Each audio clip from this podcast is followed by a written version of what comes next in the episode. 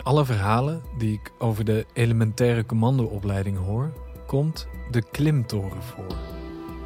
Hij is een groot onderdeel van de mythologie van de ECO. In het Commandomuseum staat zelfs een diorama waarin de toren op schaal is nagebouwd. Vanaf de toren is een touwtje gespannen waaraan een miniatuurversie van een recruut hangt. Onder de gehele lengte van het touw is een waterbak aangelegd. Die is deels hindernis, deels opvangbak voor recruten die vallen. Als je eraf valt, mag je gewoon weer terug en het zijknat nog eens proberen, laat ik me vertellen. Die miniatuurversie van de recruut is het kleinste deel van het diorama. Tijdens een rondleiding over de kazerne zie ik de toren dan eindelijk in het echt. Hij is zo'n 20 meter hoog. Het is geen moderne klimtoren met van die gekleurde bulten, maar een uit stijgerpijpen opgetrokken constructie met balkjes aan de zijkant en een touw door het midden. De commando die me rondleidt zegt: Een modernere toren gaat er hier ook niet komen. De toren is deel van een traditie. De eerste commando's die hier werden opgeleid beklommen die toren al.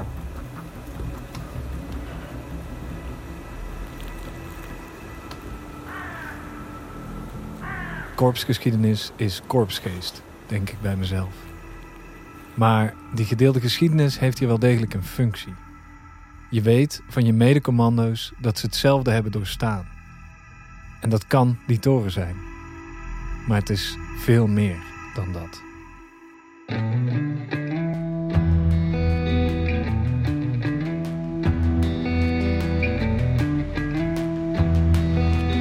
Mijn naam is Dennis Gaans. Ik ben schrijver en podcastmaker.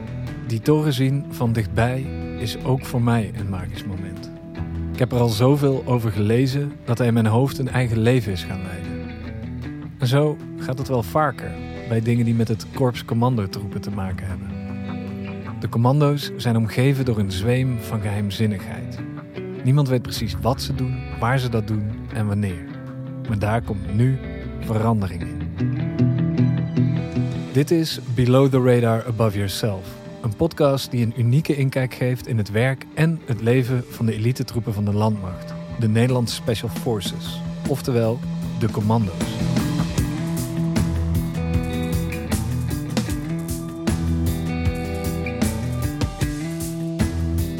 In deze podcast vertellen de commando's zelf waar ze voor opgeleid worden, hoe een geheime missie in zijn werk gaat en wat voor mensen het eigenlijk zijn, die mannen van het Korps Commandotroepen. Of het KCT, zoals ze het zelf noemen. Ik ben je gids in die wereld van het korps. Iedere aflevering neemt een van de commando's mij en dus jou mee op missie.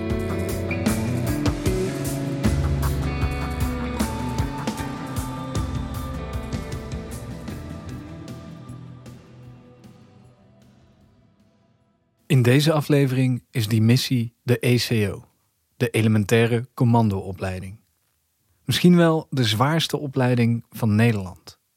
We hebben het er al veel over gehad, maar nu vertelt sportinstructeur Mike, die de opleiding net heeft afgerond, ons over hoe zwaar de opleiding daadwerkelijk is. En welke rol speelt het mentale aspect eigenlijk? Is het misschien vooral een mindset die je moet hebben? En wat is die commando mindset? Al op mijn eerste dag op de kazerne leerde ik een gezegde dat hier de ronde doet. Iedereen wil commando zijn, maar commando worden is niet voor iedereen weggelegd. Alle commando's die ik spreek beamen dat. Sterker nog, er zijn mensen die al commando zijn, die de opleiding niet opnieuw zouden willen doen. Zo zwaar vonden ze die. Zoals Rinus uit aflevering 2. Als je me nu een miljoen zou geven en zeggen je moet hem nog een keer doen, denk ik niet dat ik het ga doen. Dat is misschien een lichte overdrijving. Ik bedoel, voor een miljoen zou ik het zelfs nog proberen. Maar het raakt wel de kern. En je hebt het inmiddels ook al vaak gehoord. Die opleiding is loeizwaar. En toch beginnen er elk jaar weer nieuwe kandidaten aan. Zoals Mike. Ik ben uh, Mike, 28 jaar. Ik ben uh, op dit moment uh, sportinstructeur uh, binnen Roosendaal. Ja, mijn hobby's zijn naast dat ik op het werk veel bezig ben met sport, ben ik thuis ook veel bezig met sport. Mijn vriendin is ook gymdocent op een middelbare school. Dus we hebben thuis sportief huishouden. Juist. Bij Mike draait alles om sport. Hij is dan ook sportinstructeur bij het KCT. Na twee jaartjes op een VMBO sportles gegeven te hebben, zocht hij een nieuwe uitdaging. Hij wilde zich ontwikkelen, het hoger opzoeken. Hij had altijd al de droom om bij Defensie terecht te komen. En daarbinnen wilde hij ook het hoogste opzoeken. De commando's.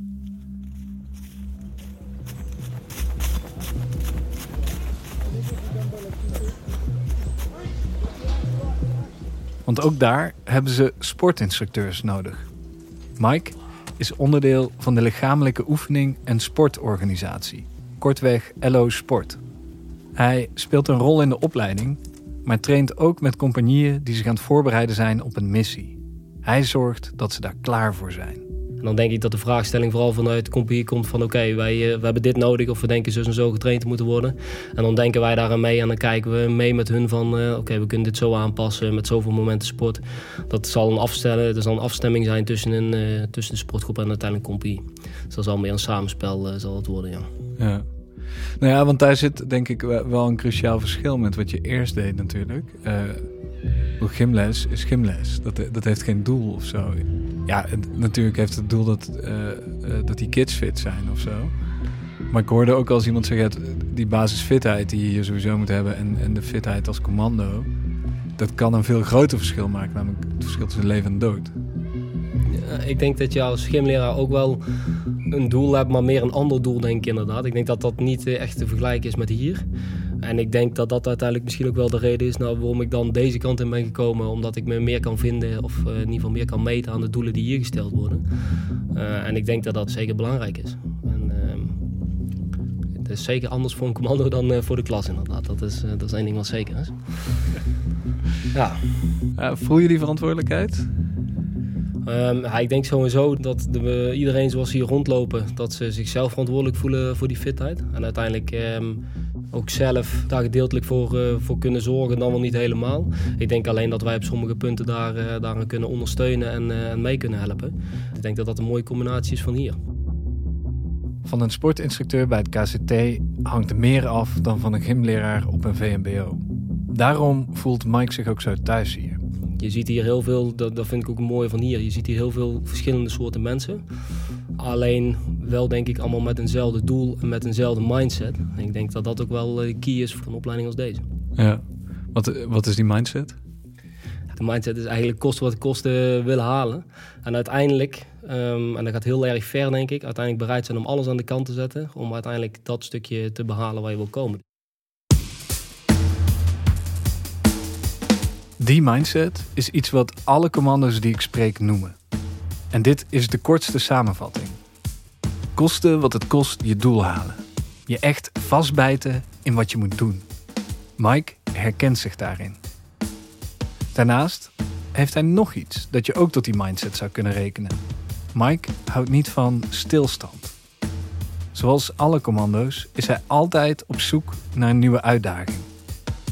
Uh, ik wil mezelf zeg maar, heel doorontwikkelen. Dus ik, wil, uh, ik heb voor mezelf altijd heel sterk dat ik ergens heen wil voor de komende aantal jaar bijvoorbeeld. Dat ik zoiets heb van, ik moet mezelf op een hoger niveau zien staan dan vijf jaar geleden in die zin. Ik denk dat voor heel veel mensen zo is, dat ze daarom, uh, dat ze daarom hier terechtkomen. Vanuit daar um, sluit dit denk ik mooi aan inderdaad. De meeste mensen doen mee aan de opleiding om daarna het veld in te gaan. Mike heeft ervoor gekozen om sportinstructeur te worden maar dan wel op de plek die het meeste van hem gaat vragen: het KCT. En daarom wil hij ook de ECO doen. Het is diezelfde drive, dat willen ontwikkelen, die hem daartoe brengt. Je weet dat een opleiding zwaar is. En je weet dat uh, niet heel veel, uh, of niet heel veel, in ieder geval dat veel mensen afvallen. En dat cijfer verandert natuurlijk per jaar. Maar dat zijn uh, de twee dingen die, die in de basis iedereen eigenlijk wel weet. Maar wat het dan precies inhoudt, dat, ehm, nou, dat wist ik eigenlijk niet precies. Ik denk dat het ook moeilijk te weten is, omdat in die zin natuurlijk het programma niet bekend is. Wat dacht je dat er ging gebeuren? Ja, ik dacht dat het uh, heel zwaar ging worden. Dat is uiteindelijk ook zo gebleken. Alleen tegelijkertijd dacht ik ook wel, het is niet onmogelijk. je weet ook dat er heel veel mensen het gehaald hebben. Dus je weet dat het mogelijk is. Dus dat, was, dat is wel uh, de gedachte die mij uh, daar altijd bij is gebleven. Bij het feit dat je weet dat het gewoon uh, ja, dat is. Het is niet onmogelijk. En Mike als sportinstructeur is uiteraard super fit. En hij heeft nog tijd om zich voor te bereiden. Fysiek is hij er misschien wel al klaar voor. Maar de voorbereiding is natuurlijk ook mentaal. Je gaat acht weken afzien. Omdat er wat tijd zit tussen zijn vooropleiding en de ECO, kan hij al op de kazerne rondlopen. En dus ook op de kazerne trainen. Met alles wat daar voorhanden is.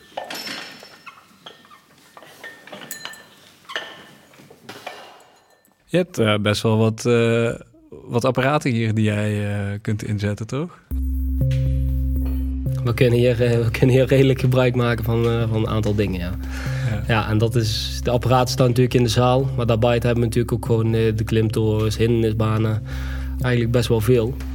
Maar ik zie het wel als een middel natuurlijk. En um, wat al die dingen zijn, het zijn allemaal middelen om bepaalde dingen te kunnen bereiken. Of om bepaalde doelen te kunnen bereiken. En dat kan uh, zowel fysiek als mentaal zijn. De gym, de hindernisbaan en ook die beruchte klimtoren. Voor Mike zijn het allemaal middelen om zijn doel te bereiken. Commando worden, die groene baret halen. En hij maakt er goed gebruik van. Ik heb uiteindelijk geluk gehad dat ik natuurlijk uh, ongeveer negen maanden voordat ik de opleiding inging al hier te werk gesteld ben. Dus uh, ik heb die tijd uh, kunnen gebruiken om op te werken, uiteindelijk voor de opleiding. Ja, wat heb je gedaan specifiek? Um, nou, vooral zorgen dat we, of eigenlijk dat we belastbaar waren. Dus belastbaar in lopen met kisten, um, lopen met een rugzak. Dat is uh, vooral belangrijk. En wat specifiek in het begin eigenlijk meer blauw. Dus in het begin veel in de zaal, krachttraining, dat soort dingen. En uiteindelijk richting het eind van, eigenlijk het begin van de VO, zeg maar, het eind van het opwerktraject. Steeds meer groen, dus steeds meer naar buiten. Dus ook gebruik gemaakt van de hindernisbanen. Eigenlijk alles wat, wat buiten te vinden is, omdat daar de opleiding natuurlijk ook veel meer is. Stiekem de klimtoren gebruiken. Stiekem, nee.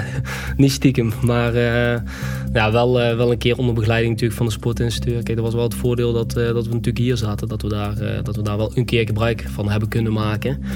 Alleen, um, ja, heel veel voordeel weet ik niet of dat we er uiteindelijk van gehad hebben. Ik denk dat dat wel meevalt. Fysiek is hij er helemaal klaar voor. Hij is topfit. Maar is het eigenlijk wel het fysieke deel dat het meest uitdagend is aan die opleiding? Of is het vooral mentaal? Dat horen we zo meteen. Dat het mentale aspect een rol speelt, kan iedereen wel raden. Volgens Mike begint dat al bij je motivatie. Die is key om je door de opleiding heen te stuwen. Ik heb altijd gezegd, ik wil het voor mezelf. Dus uh, de enige reden waarom ik commando wil worden, is voor mezelf. En ik heb altijd gedacht dat dat ook uh, de enige manier is waarop je het, waarop je het kunt worden. Uh, ik denk dat je het ergens voor jezelf moet doen. Want als je het voor iemand anders doet, dan komt er denk ik een moment in de opleiding waarop je denkt van... ze kunnen me allemaal wat en het is mooi geweest. Waarvoor doe je het dan voor jezelf? Ik denk om mezelf iets te bewijzen, een stukje ontwikkelen. Maar dat, bij dat ontwikkelen hoort misschien ook wel dat bewijzen uiteindelijk gewoon in het spiegel te kunnen staan na acht weken en te zeggen van zie je wel, ik heb het gehaald. Maar zover is het nog niet. Die acht weken moeten nog beginnen. En die beginnen op de Engelbrecht van Nassau-kazerne. Midden op het terrein van die kazerne is een groot plein, de appelplaats. Ik ben er vaak langs gelopen, maar ik heb er nooit opgestaan. Ook de commando's op de kazerne zag ik er nooit overheen lopen. Aan alle kanten van de appelplaats staan borden waarop staat dat er niet zomaar op mag. Dit is een rituele plek. Hier worden de groene baretten uitgereikt aan degenen die de ECO doorstaan. Maar hier worden ook speldjes en lintjes gegeven aan commando's die bijzonder verdienstelijk zijn. En worden gevallen commando's herdacht. Aan één kant van het plein staat een groot monument voor die commando's. Je voelt aan alles dat dit ogenschijnlijke doodnormale vierkante plein een plek met betekenis is. Heilige grond bijna.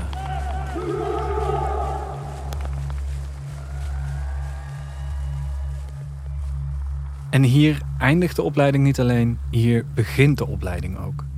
Voor mensen uit de burgermaatschappij geldt: voordat je hier überhaupt mag beginnen, heb je de kennismakingsdagen al gehad. Maar ook de AMOL, de Algemene Militaire Opleiding Luchtmobiel, waarin je de basisvaardigheden die elke militair moet hebben leert. Aan het einde van die opleiding ontvang je de rode baret. En na nog een vooropleiding kom je hier op de appelplaats om die rode baret af te doen en in te ruilen voor de zogeheten mutsdas. Uiteindelijk eh, sta je opgesteld en word je eigenlijk eh, de appelplaats opgemarcheerd.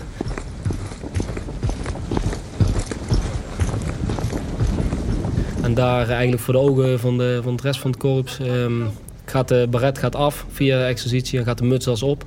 En eh, op het moment dat dat gebeurt start eigenlijk meteen de opleiding.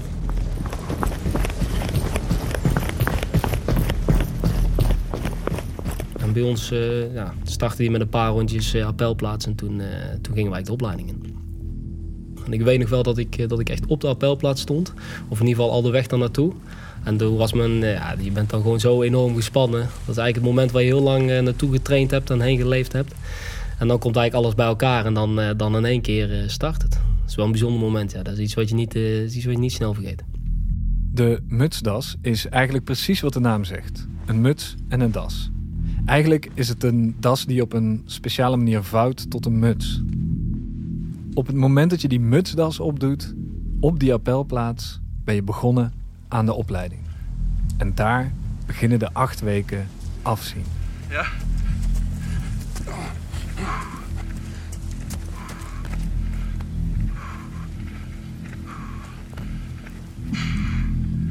Had je het idee dat je zo die eerste paar weken dat je er makkelijk doorheen ging? Um, nee, ik vraag me af of dat iemand ooit uh, makkelijk door, de, door überhaupt een van de weken heen is gekomen. Um, ik had aan het eind van week 1, dat weet ik nog wel, een, ook een knieblessure. Dus uh, voor mij speelde dat extra mee.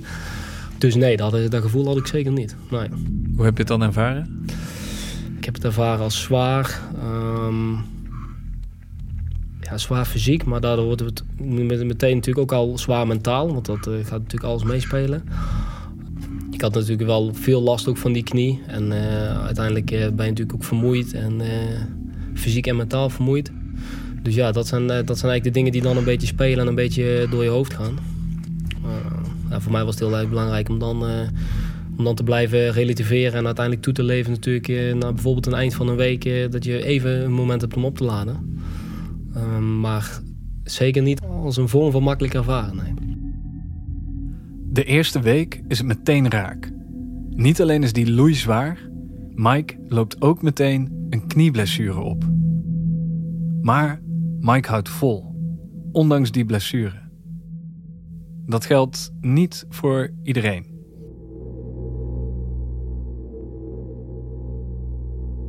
Vielen er snel mensen af bij jou in de, in de ECO? Ja, ik denk dat er binnen 10 minuten één of twee man al weg waren. Dus dat is, uh, uh, dat is in die zin vrij snel. Ja, en dan uiteindelijk vallen gedurende de weken vallen, vallen er steeds meer mensen af. Binnen 10 minuten vallen de eerste twee man al af. En gedurende de opleiding zullen dat er dus steeds meer worden. In een eerdere aflevering noemde ik het al. Van elke drie deelnemers aan de ECO halen het er minimaal twee niet. En afvallen is niet zo simpel als houdoe en bedankt zeggen en dan weg te lopen. De commando's zouden de commando's niet zijn als ze niet ook hier een ritueel voor hebben. Om aan te geven dat je ermee stopt, moet je namelijk de gang naar de bel maken.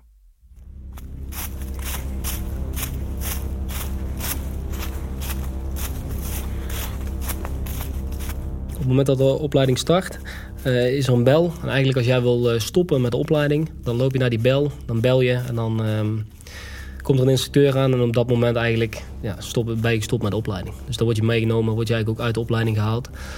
En dan eindigt daar voor jou, uh, voor jou het avontuur uh, ACO commando worden, zeg maar. Maar het is gewoon één keer zo pam en dan... Ja, ik heb me laten vertellen, maar ik weet het niet zeker. Omdat ik me er nooit in heb willen verdiepen. En ook altijd heb gedacht, ik ga er niet aan hangen.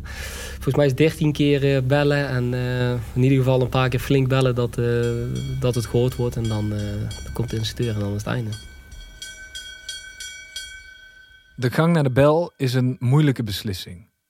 Je herinnert je Henk nog wel uit de vorige aflevering. Die werkt dus ook als instructeur bij de opleiding. En hij vertelde me dat voor de gang naar de bel juist ook een van de kernwaarden nodig is. het is een moeilijke, maar ook moedige beslissing. Die bel die hangt bij ons ook echt op een prominente plek. Daar moet je echt ook naartoe lopen. Ehm, dus dat duurt even voordat je er bent. En dan heb je nog heel veel tijd om na te denken. Waarbij je dus heel veel escapes hebt om toch om te draaien en weer terug te gaan. En als je aan die bel rammelt, dan gooi je dus die droom die je zeer waarschijnlijk hebt, ja, die gooi je weg.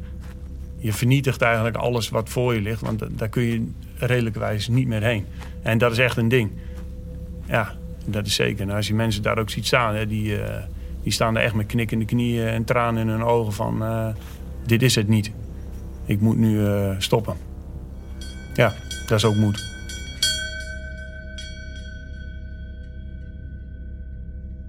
Wie aan de bel trekt, gooit daarmee zijn toekomst als commando weg. En die bel staat gedurende de acht weken op een prominente plek. Die hangt als het ware over elke beslissing die je neemt heen. Die invloed heeft de bel ook op Mike. Maar dan eerder positief. Nou, in die zin deed dat iets met me dat ik eh, van tevoren altijd tegen mezelf gezegd heb. Maar ik denk dat dat iets is wat heel veel mensen tegen zichzelf zeggen. Ik ga niet, hoe dan ook, niet zelf aan de bel hangen. Mike heeft zijn beslissing over de bel eigenlijk al voor de opleiding gemaakt. Hij gaat er niet aan hangen. Maar om hem heen vallen de kandidaten af, gaan er mensen wel aan die bel hangen. En dat is een dubbel gevoel.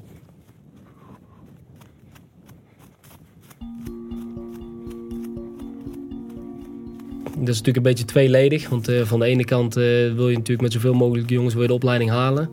En van de andere kant, als er mensen afvallen, dan denk je wel steeds van oké, ik ben er nog steeds. Dus er zijn mensen die stoppen terwijl ik nog steeds doorga. Dus je kunt daar um, ja, zeg ook een soort van kracht uithalen in zekere zin. En zeker als er misschien. Uh, je hebt natuurlijk altijd wat mensen waarvan je denkt van oh, die zijn fit of uh, daar kijk je tegenop. Mensen die, veel weten. Kunnen van allerlei dingen kunnen dat zijn. Maar uiteindelijk als dat soort mensen ook een keer eruit gaan, dan denk je van, nou, je kijkt daar een soort van tegenop. Als dat soort mensen dan uiteindelijk opgeven, dan denk je van, ik ben er nog steeds. En dat geeft misschien wel een soort extra boost. Eh, wel, ja, wel voor de opleiding uiteindelijk en voor jou. Natuurlijk raak je overtuigder van jezelf als er mensen afvallen waarvan je dacht dat ze beter waren dan jij. Maar er is nog een effect van die uitval. Misschien wel belangrijker nog. Je blijft met mensen over waar je op kunt rekenen. Wat je wel uiteindelijk merkt is dat je steeds meer een club overhoudt met mensen inderdaad die echt voor elkaar werken en steeds meer het gevoel krijgen van oké, met deze club zouden we wel eens de eindstreep kunnen halen. En dan word je natuurlijk wel steeds hechter met een club. Dus dat, uh, dat gevoel ga je op een gegeven moment wel ontwikkelen. Dat ontwikkelen van dat gevoel is misschien ook wel deels de bedoeling van de opleiding, toch? Ik denk dat het zeker, uh, zeker uh, de bedoeling is van de opleiding. En uh, wat ook altijd gezegd wordt, je kunt zo'n opleiding kun je nooit alleen halen. Ja, je moet, het, je moet het met een groep doen. En uiteindelijk is het natuurlijk mooi dat daar steeds, steeds meer gedurende opleiding een groep uitgroeit... waarmee je ook het gevoel hebt van oké, hiermee, hiermee gaan we het halen. En dat is natuurlijk ook een van de belangrijke dingen... dat je niet in de opleiding dat je eigenlijk niet jezelf voorop stelt, zeg maar, maar altijd de groep. Je staat, je staat eigenlijk een doelstelling van de groep en niet, uh, niet alleen voor jezelf. Want zelf ga je, ga je zo'n opleiding niet halen. Een commando word je niet alleen. Je bent op elkaar aangewezen. En dat niet alleen straks in het veld, maar tijdens de opleiding tussen al.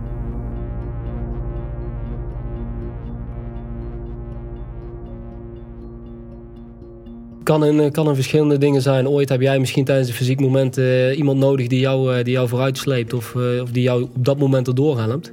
En misschien ben jij in een andere situatie, ben jij een keer iemand die iemand anders erdoor helpt. Maar ook um, opdrachten en dingen als groep moeten gewoon moeten, zeg maar, als groep gehaald worden. Ja, en dan is het wel belangrijk dat jij ook echt met je groep bezig bent in plaats van met jezelf. Dat je eigenlijk anders tijd en, en, moeite van een groep afsnoept. Terwijl je daar zelf beter van wordt en de rest van de groep niet. Terwijl die wel voor de groep aan het werken zijn zijn, zeg maar. Dus het is wel echt belangrijk om, um, om een groep voorop te stellen voor jezelf. Ja. Je helpt elkaar door de opleiding heen. Maar je kunt die opleiding ook alleen halen als groep. Het is dus niet gek dat je in de acht weken steeds hechter wordt.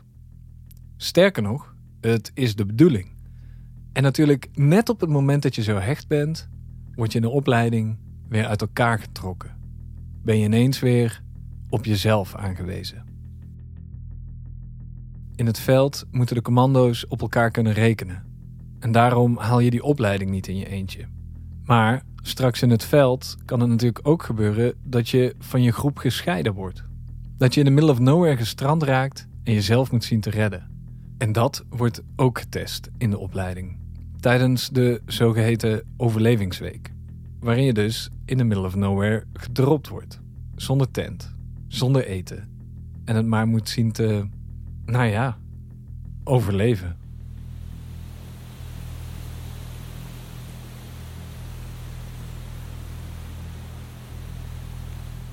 Ik denk dat dat voor, de, voor iedereen eigenlijk wel bekend is dat er altijd een, uh, een overlevingsweek in zit binnen de opleiding. Je kunt natuurlijk niet precies uh, vertellen hoe lang dat was en waar dat allemaal was. Maar uh, nou, uiteindelijk was dat voor ons ook zo. Wij gingen de overlevingsweek in. En uiteindelijk hebben we een aantal dagen ergens op de hei gezeten... waarop je dan ja, eigenlijk letterlijk moet overleven. Tijdens de vooropleiding leren de kandidaten hoe ze op elke plek kunnen overleven. Bijvoorbeeld door een onderkomen te bouwen met materialen die er te vinden zijn. En in de opleiding zelf moeten ze dat dan ook daadwerkelijk gaan doen.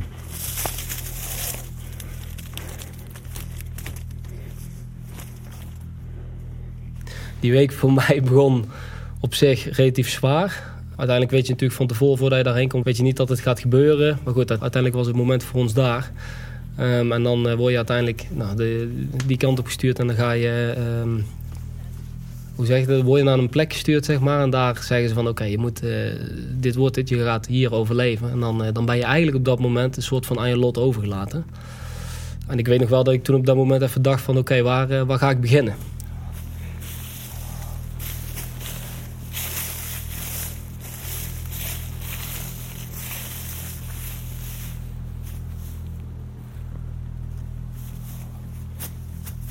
Eigenlijk sta je met, met bijna niks op, uh, op een plek. En dan moet je er toch in één keer, uh, in één keer iets van maken. Wetende dat je misschien uh, minder voeding krijgt of niet wetend wat er allemaal gaat komen. Want je, bent natuurlijk, je zit natuurlijk in een stukje onwetendheid. Dan moet je dus gaan zorgen dat je de juiste dingen op de juiste tijd hebt. Je kunt bijvoorbeeld uh, 100 rondjes gaan rennen en in één keer alles. Maar ja, misschien zit je nog wel een aantal dagen zonder eten of je weet niet wat er komen gaat. Dus je moet uiteindelijk zorgen dat je daar de juiste balans in vindt. Maar uiteindelijk ook zorgt dat je zelf zo comfortabel mogelijk bent.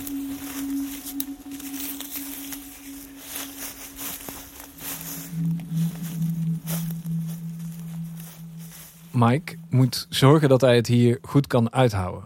Voor hij weet niet hoe lang. Hij neemt de omgeving in zich op en begint met het bouwen van een onderkomen. Ik heb uiteindelijk een onderkomen gemaakt daar. Of in ieder geval, ik ben begonnen met een, met een onderkomen te maken. Uh, en uiteindelijk gezorgd dat ik, dat ik vuur had. Want er, zijn, uh, er waren op dat moment twee belangrijke dingen.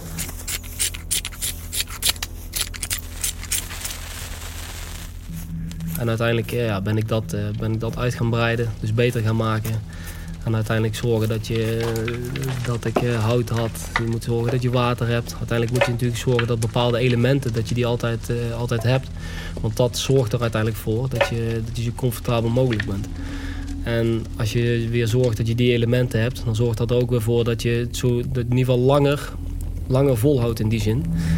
Ja goed, als je er warm bij ligt in plaats van dat je verregend of koud bij ligt, dat doet ook iets met je mentaal. Ja goed, als dat weer iets met je, met je mentaal doet, dan zorgt er dat misschien wel weer voor dat je weer niet denkt aan de bel, zeg maar, in die zin. Dus uiteindelijk eh, zorgt ervoor dat je, als je op dat moment goed voor jezelf zorgt, dan zorgt dat er wel voor dat je uh, uiteindelijk misschien wel die week niet makkelijk doorkomt, maar wel gemakkelijker doorkomt in die zin. Ja, want de bel staat er ook. Bel was wel aanwezig, ja. Die staat niet, uh, die staat niet uh, naast je. Tenminste, bij mij stond die niet naast me. Maar die, je, weet, uh, je weet wel waar die is, ja. Je moet zorgen dat je er goed bij ligt. Dat je niet in de verleiding komt naar de bel te lopen. Het zal geen hotelkamer met bubbelbad worden, maar je onderkomen, je hut is wel degelijk de plek waar je het de komende tijd uit moet gaan houden.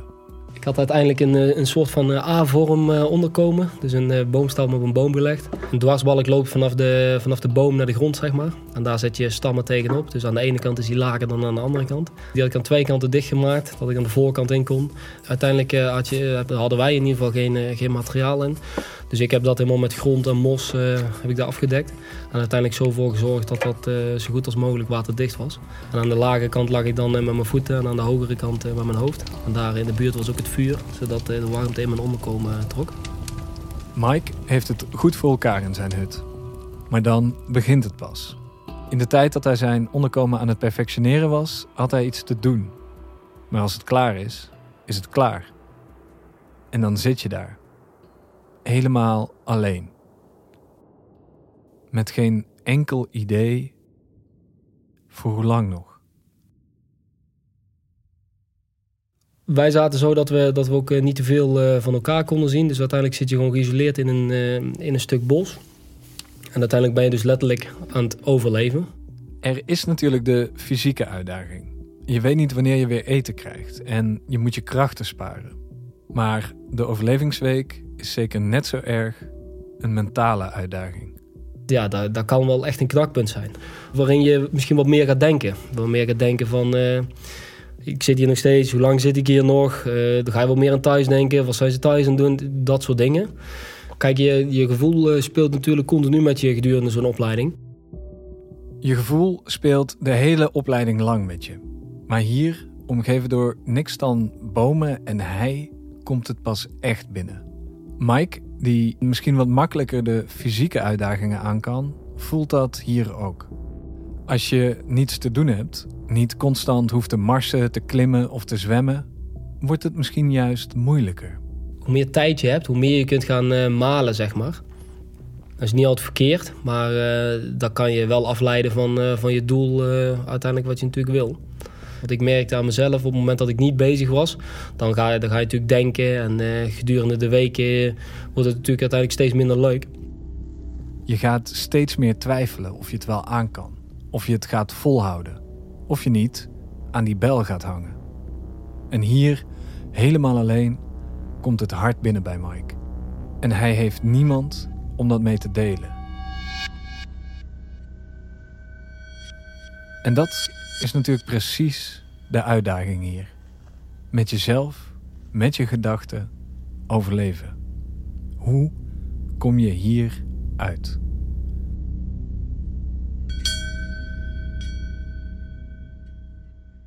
Ik heb geprobeerd om, uh, om, daar echt een routine per dag in te maken. Dus echt met opstaan en dan uh, zorgen voor het vuur, zorgen voor eventueel wat te eten als dat op dat moment uh, voorhanden was.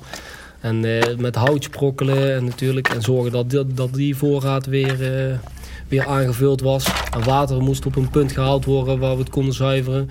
Dus dan plande ik dat weer erbij in. En eigenlijk had ik zo, probeerde ik zo voor mezelf een heel dagroutine te maken. Zodat ik echt daarmee bezig was en eigenlijk een beetje afgeleid was uh, van de rest. Soms is het ook goed om kleine doelen te stellen. En in die zin was dan natuurlijk het doel om, uh, om, dat weer, uh, om dat weer te halen. En daar weer uit te komen. En dus uiteindelijk weer verder te kunnen met de opleiding. Door een dagelijkse routine in te stellen, komt Mike de week door. Een van de kernwaarden waar je in de ECO op getest wordt, is beleid. Je moet in elke situatie het juiste besluit kunnen nemen. Je moet flexibel zijn en stressbestendig. En vooral niet bij de pakken neer gaan zitten.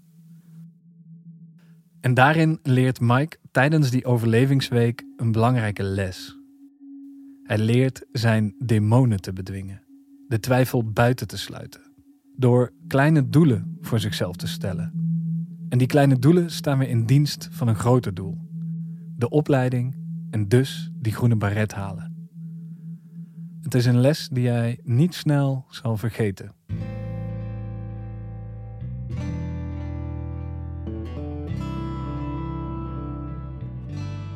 Die overlevingsweek was heel bijzonder. Gewoon omdat je daar, uh, omdat je dat niet meer vaak meemaakt, dat je echt alleen zit uh, voor een lange tijd. Uh, nou goed, dat soort dingen. Dus dat is in die zin wel een extreme. Dat dat gewoon heel erg afwijkt van, van het hedendaagse natuurlijk. Denk je, denk je er nog wel eens aan terug, aan je ja, hut? Denk zeker nog heel vaak aan terug. Ik heb daar ergens ook een foto van en die heb ik ook, die heb ik ook in, mijn, in mijn huis staan. Omdat ik daar uiteindelijk wel een memorabel moment vond, ook uit de opleiding. Dus uh, ik zie die foto nog regelmatig en ik denk ook nog regelmatig uh, wel terug aan dat, uh, event, ja, zeker. In die overlevingsweek lijkt alles en iedereen ver weg. Maar Mike doorstaat de week. En hij komt uit bij een ander moment dat hij nooit meer zal vergeten. Het moment waar het allemaal om te doen was. Het moment bij dat andere beruchte deel van de kazerne. De Tranenpoort.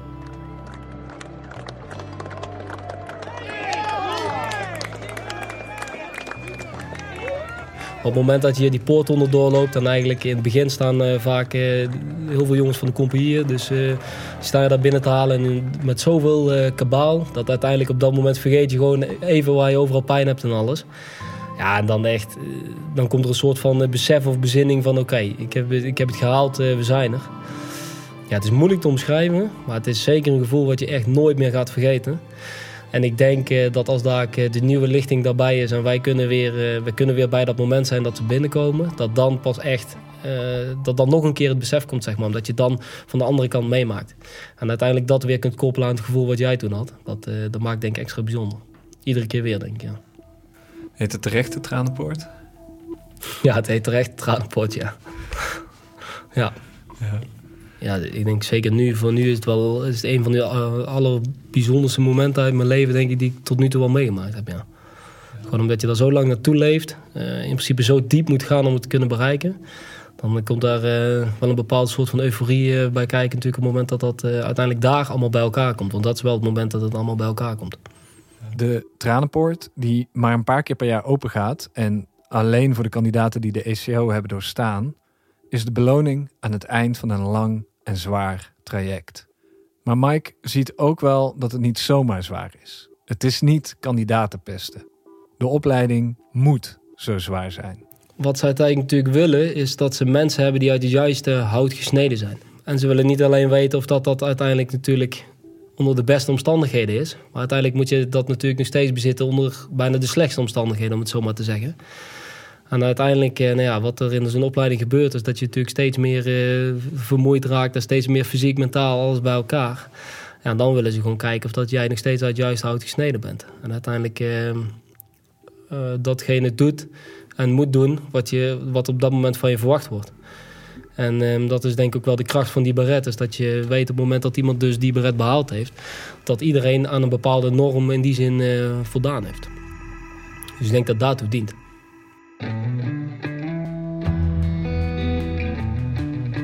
We hebben in deze serie veel over de opleiding gehoord.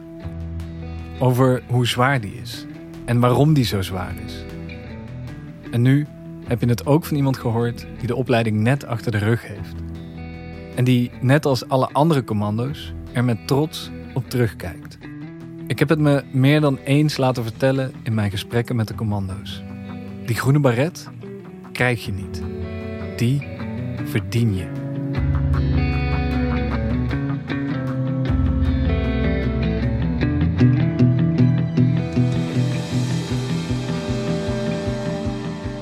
Dit was de zesde aflevering van Below the Radar Above Yourself. Ben je nieuwsgierig geworden naar het leven als commando? En wil je meer weten over de opleiding? Kijk dan op werkenbijdefensie.nl schuine streep commando of klik op de link in de show notes. In de volgende aflevering gaan we naar Irak tijdens de slag om Mosul. Commando Matthijs vertelt ons over hoe hij daar met de commando's gewonden redde op een paar kilometers van het front. En hoe hij, toen alles ineens veranderde, een beslissing moest maken om buiten zijn mandaat te treden om het leven van de Nederlandse journalist te redden. Below the Radar, Above Yourself is een podcast van het ministerie van Defensie en Dag en Nacht Media. Het sounddesign is van Studio Cloak. En mijn naam is Dennis Gaans. Je hoort me weer in de volgende aflevering. Tot dan.